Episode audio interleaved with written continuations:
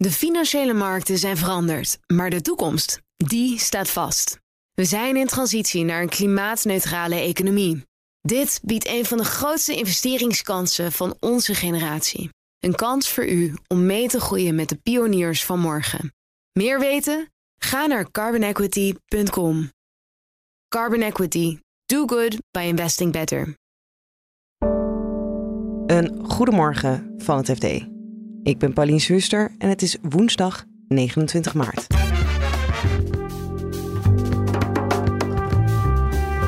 De lonen in de zorg gaan omhoog en dat wordt duur voor de ziekenhuizen. Wat er dus waarschijnlijk wel gaat gebeuren, in ieder geval in sommige gevallen, is dat investeringen in, ik noem maar wat, uh, digitalisering, dat die misschien even op een lager pitje komen te staan nu. Alibaba-oprichter Jack Ma is gespot in China. Niemand weet precies waarom hij terug is. Het is wel duidelijk dat, uh, dat ze met Jack Ma hebben besproken dat Alibaba zichzelf wil gaan opknippen in, in zes uh, onderdelen. En belasting gebruiken om mensen gezonder te laten leven wordt al snel erg ingewikkeld. Stel je nou voor dat je een mix maakt van komkommer en kiwi. Uh, moet het dan wel of niet onder de belasting vallen? Kijk, dat soort afwegingen uh, moet je dan gaan maken. En dan kun je meteen bedenken hoe ingewikkeld een belastingstelsel dan wordt. Dit is Dagkoers van het FD. Nu de ziekenhuizen een nieuw CAO hebben afgesloten, is één probleem opgelost. Er komen geen nieuwe stakingen. Het volgende probleem is: hoe gaan ziekenhuizen die extra loonkosten betalen? Ik bespreek het met onze zorgredacteur Maarten van Pol en ik vroeg hem eerst: kunnen ze dit dragen? Ja, uh, het kan. Kijk, in eerste instantie uh, waren de eisen van de bonden nog een heel stuk hoger dan wat er nu uiteindelijk uit is gekomen. Ze wilden in één keer 10% loonsverhoging en dan volgend jaar indexatie. Die 10% die zou vrijwel alle ziekenhuizen al in de rode cijfers duwen voor volgend jaar. Wat er nu is afgesproken is dat er uh, per 1 februari, dus met terugwerkende kracht, 1, uh, 5% bij komt. En dan op 1 december nog een keer 5%. Dus effectief komt er ongeveer dit jaar 5% bij. Hoe gaan de ziekenhuizen dat dan betalen? Dus uit hun lopende begroting eigenlijk. En als ze, niet, als ze in de rode cijfers komen, dan gaat het van de buffers af. En hebben ziekenhuizen die buffers? Ja, die zitten over het algemeen vrij ruim in de buffers. Uh, nu heeft natuurlijk wel het ene ziekenhuis weer grotere buffers dan andere. Het ene ziekenhuis draait beter dan het andere. En wat er dus waarschijnlijk wel gaat gebeuren, in ieder geval in sommige gevallen, is dat investeringen in, ik noem maar wat, uh, digitalisering, dat die misschien even op een lager pitje komen te staan nu. Want de ziekenhuizen die zeggen ook, ja, als we zoveel extra geld gaan uitgeven, dan hebben wij ook meer middelen nodig. Kabinet, zorgverzekeraars, uh, zorg daarvoor. Wat willen ze daar dan mee doen? Nou, ze zeggen eigenlijk dat dat nodig is om op een uh, gezonde manier te kunnen blijven opereren. Uh, met deze loonsverhogingen erbij. Omdat ze structureel meer uit gaan geven aan personeelskosten. Precies. En hoe staat de overheid en de zorgverzekeraars, hoe staan die daarin? Die hebben daar niet zo'n zin in. In eerste instantie zeggen ze dat ze geen partij zijn in deze CAO.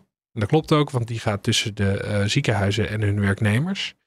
En er liggen al allerlei afspraken over het lopende jaar. De ziekenhuizen hebben contracten afgesloten met de zorgverzekeraars. Die gaan, willen de zorgverzekeraars nu niet gaan openbreken of zo. En ze willen dus ook niet met een extra potje komen. En ja, als er meer geld bij moet bij de ziekenhuizen, dan moet dat uiteindelijk ergens vandaan komen. En als dat van de zorgverzekeraars komt, dan resulteert dat in een hogere premie. En als het, uh, als het bij de overheid vandaan moet komen, dan uh, ga je dat merken via je loonstrookje. En het wordt waarschijnlijk een combinatie van die twee als, het, als de zorgkosten weer omhoog gaan. En dan gaan we naar China. Want Alibaba-oprichter Jack Ma dook daar weer op na meer dan een jaar in het buitenland. Tegelijkertijd bracht het bedrijf de grootste verandering in zijn bestaan naar buiten. Ze zijn van plan om zichzelf op te knippen. Je hoort redacteur Job Wout. Ja, opeens was hij weg. Jack Ma die verdween om, uh, na een toch uh, uh, roemruchte toespraak... waarin hij kritiek uitte op de machthebbers in Peking... En dat leidde tot zijn verdwijning en ook tot het niet doorgaan van een beursgang van een betaalplatform Ant Group. een betaalplatform ook van Jack Ma. En dat, die beursgang werd onverwacht tegengehouden door de autoriteiten in Peking. En hoe moeten we zijn terugkeer en nu ook die grote plannen van Alibaba dan zien? Ja, Jack, Ma die was, uh, uh, die, die ging her en der, maar in ieder geval de afgelopen zes maanden zou hij hebben uh, gewoond in Tokio. dat was volgens berichtgeving in de Financial Times. En maandag dook hij ineens op, eigenlijk om onverklaarbare redenen op dat moment. De, de koers van Alibaba veerde op dat moment ook weer eventjes op. Ja, het is wel duidelijk dat, uh, dat ze met Jack Ma hebben besproken dat Alibaba zichzelf wil gaan opknippen in, in zes uh, onderdelen. En uh, dat is eigenlijk het grote, verrassende nieuws van dinsdag. En waarom is dat zo verrassend? Nou ja, het gebeurt niet iedere dag natuurlijk dat een groot conglomeraat zegt: we, we gaan onszelf ophakken. En zeker als het gaat om een Aziatisch conglomeraat. De Japanners die hadden altijd en hebben nog altijd hele grote conglomeraten waarin eh, van alles en nog wat verzameld is. Een hele bekende is natuurlijk in eh, Zuid-Korea Samsung, die uh, niet alleen die handige telefoontjes maken, maar ook hele grote containerschepen, olietankers, dus die maken van alles en nog wat. En die Aziatische concerns, conglomeraten, die hebben niet zozeer de neiging om zichzelf weer op te breken, zoals dat in het Westen wel wat vaker is gebeurd inmiddels. En wat is financieel het voordeel van jezelf opbreken? Ja, dat, daarover uh, verschillen natuurlijk altijd wel de meningen. Je hebt de uh, voorstanders van conglomeraten en de tegenstanders. Maar in, zeker in het Westen de laatste jaren steeds meer tegenstanders van zo'n conglomeraat. Het, het, idee achter zo'n conglomeraat is dat je van bovenaf, vanuit een, vanuit een holding, zou ik maar zeggen, heel goed je investeringen kunt, kunt bepalen. En, en jij eigenlijk het beste zicht hebt op de kapitaalstromen. En, en wat ook een voordeel is, als het in de ene sector wat minder gaat, dan kun je weer profiteren van de winst in de andere sector nadeel daarvan is dat je, ja, die kunt je verschuilen in zo'n conglomeraat. Een, een, divisie die het slecht doet, die kan het jarenlang slecht doen. En die wordt iedere keer maar weer gesubsidieerd door de beter draaiende eh, onderdelen. En je kunt je niet verschuilen als je dat conglomeraat opbreekt en dat je helemaal op jezelf moet gaan leven en uh, je financieel moet gaan verantwoorden. En weet wel iets over wat voor zes deeltjes dit dan worden? Ja, ik zal je alle zes besparen, maar, maar ook Alibaba is een, uh, net als Amazon bijvoorbeeld, een uh, conglomeraat waar allerlei verschillende activiteiten aan zijn uh, komen te hangen. Nou ja, logistiek, Amazon heeft het ook, die heeft ook eigen vliegtuigen. Ja, Alibaba heeft ook een hele eigen grote logistieke afdeling. de hoofdactiviteit is e-commerce. Het is een heel groot platform waar uh, wordt gehandeld. Een, een soort een combinatie van Amazon, van, van Marktplaats, van uh, Bol.com. Je kunt zo gek niet bedenken. Er wordt gewoon gigantisch veel op gehandeld. Maar ze doen ook aan entertainment en aan mediabedrijven hebben ze. En dat laat zich dan in, in zes onderdelen opknippen. Zegt dit nog iets over de houding van China tegenover dit soort grote bedrijven? Dat hij weer terug is en dat dit nieuws naar buiten komt? Nou ja, financiële analisten die, die lijken het vooral te zien als een, als een teken van ja, dat Alibaba, wat toch wel een beetje uh, in de in de lappenmand terecht is gekomen op de beurs. Dat die ja, een soort nieuwe kans wordt gegeven om, om financieel weer te presteren. En om daarmee China, eh, wat ook alle, allerlei ambitieuze groeidoelstellingen heeft, om ook China daar weer ook een beetje bovenop te doen komen. Ja, je kunt het ook anders uitleggen. Dat, dat, Alibaba, dat is niet Jack Ma, dat was een groot almachtig uh, concern. Dat, uh, dat, waar Peking misschien een beetje bang voor begon te worden. En uh, daar hebben ze Jack Ma al onschadelijk gemaakt. En, en nu ga je het bedrijf ook nog verder ontmantelen. En wordt, het, wordt die macht nog verder gebroken. Dus je kunt wel twee kanten op redeneren. En tot slot gaan we het hebben over belastingen. Want er bestaan allerlei fiscale regelingen om je iets wel of juist niet te laten doen. Maar die zijn niet allemaal even effectief, zegt het Centraal Planbureau. Hoeveel van die regelingen we eigenlijk hebben in Nederland, hoor je van onze belastingredacteur Laurens Beretsen. Nou, er zijn ongeveer zo'n uh, goede honderd regelingen om een bepaald gedrag te bevorderen. Nou ja, dat is bijvoorbeeld de belastingvrijstelling voor de emissieloze auto's, uh, de hypotheekrenteaftrek. Dat is ook bedoeld om het eigen huizenbezit te bevorderen. Voor dat soort regels hebben we er uh, dus een stuk of honderd. En dan aan de andere kant hebben we allerlei heffingen die juist uh, gedrag moeten ontmoedigen. Nou ja, de bekendste daarvan zijn natuurlijk de hoge accijns op tabak en uh, de net iets minder hoge accijns op alcohol. Maar ook de accijns op brandstoffen uh, zijn ook bedoeld om, om na te denken van... hé, hey, zal ik nou wel met de auto gaan of kan ik toch beter de fiets pakken? Ja, en het CPB, wat hebben ze nou precies onderzocht? Wat, wilden, wat wilden ze weten?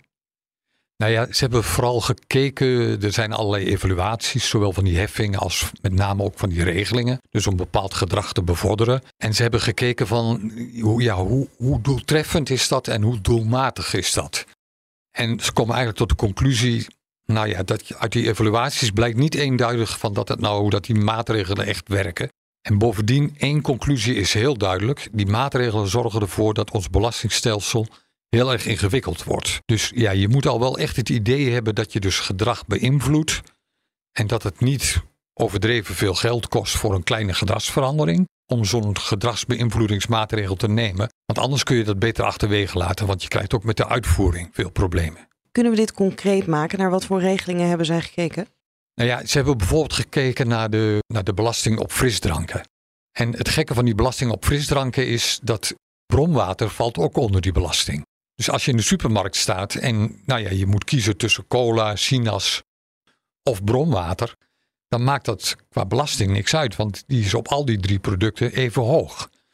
Nou ja, dat, dat stimuleert mensen natuurlijk niet om de cola links te laten liggen en het bronwater, het gezonde bronwater te nemen. En dan zou je kunnen zeggen, dan halen we het bronwater eruit. Ja, nou dat gaan ze, er is ook een, zit een wetswijziging aan te komen en dat gaan ze er dus ook uithalen. Maar om even aan te geven hoe ingewikkeld het dan kan worden, fruit en, en groentesappen vallen ook onder die belasting.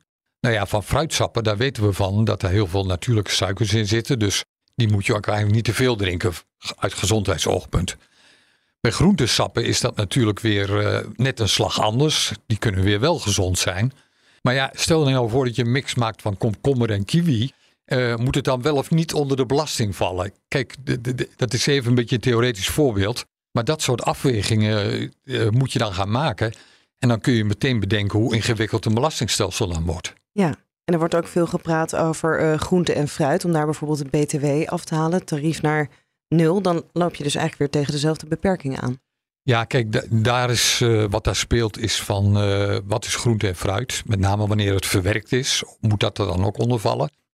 Maar bovendien, en dat zegt het CPB ook, je moet ook kijken of je geld doeltreffend wordt gebruikt. Dus je kunt wel die, uh, de BTW van groente en fruit afhalen.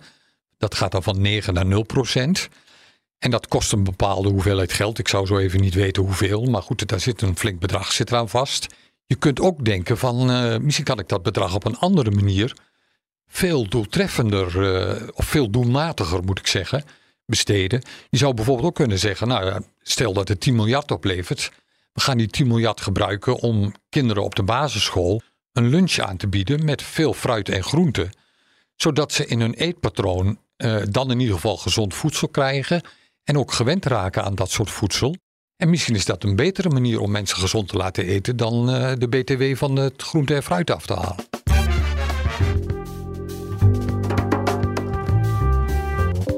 Dit was de dagkoers van het FD. Morgenochtend is er weer een nieuwe aflevering. En als je abonneert op dagkoers, krijg je die automatisch binnen. Vergeet ook fd.nl niet. Daar vind je namelijk het laatste financieel-economisch nieuws. Nog een hele fijne dag en graag tot morgen. De financiële markten zijn veranderd, maar de toekomst, die staat vast. We zijn in transitie naar een klimaatneutrale economie. Dit biedt een van de grootste investeringskansen van onze generatie. Een kans voor u om mee te groeien met de klimaatoplossingen van morgen. Meer weten? Ga naar carbonequity.com. Carbon Equity. Do good by investing better.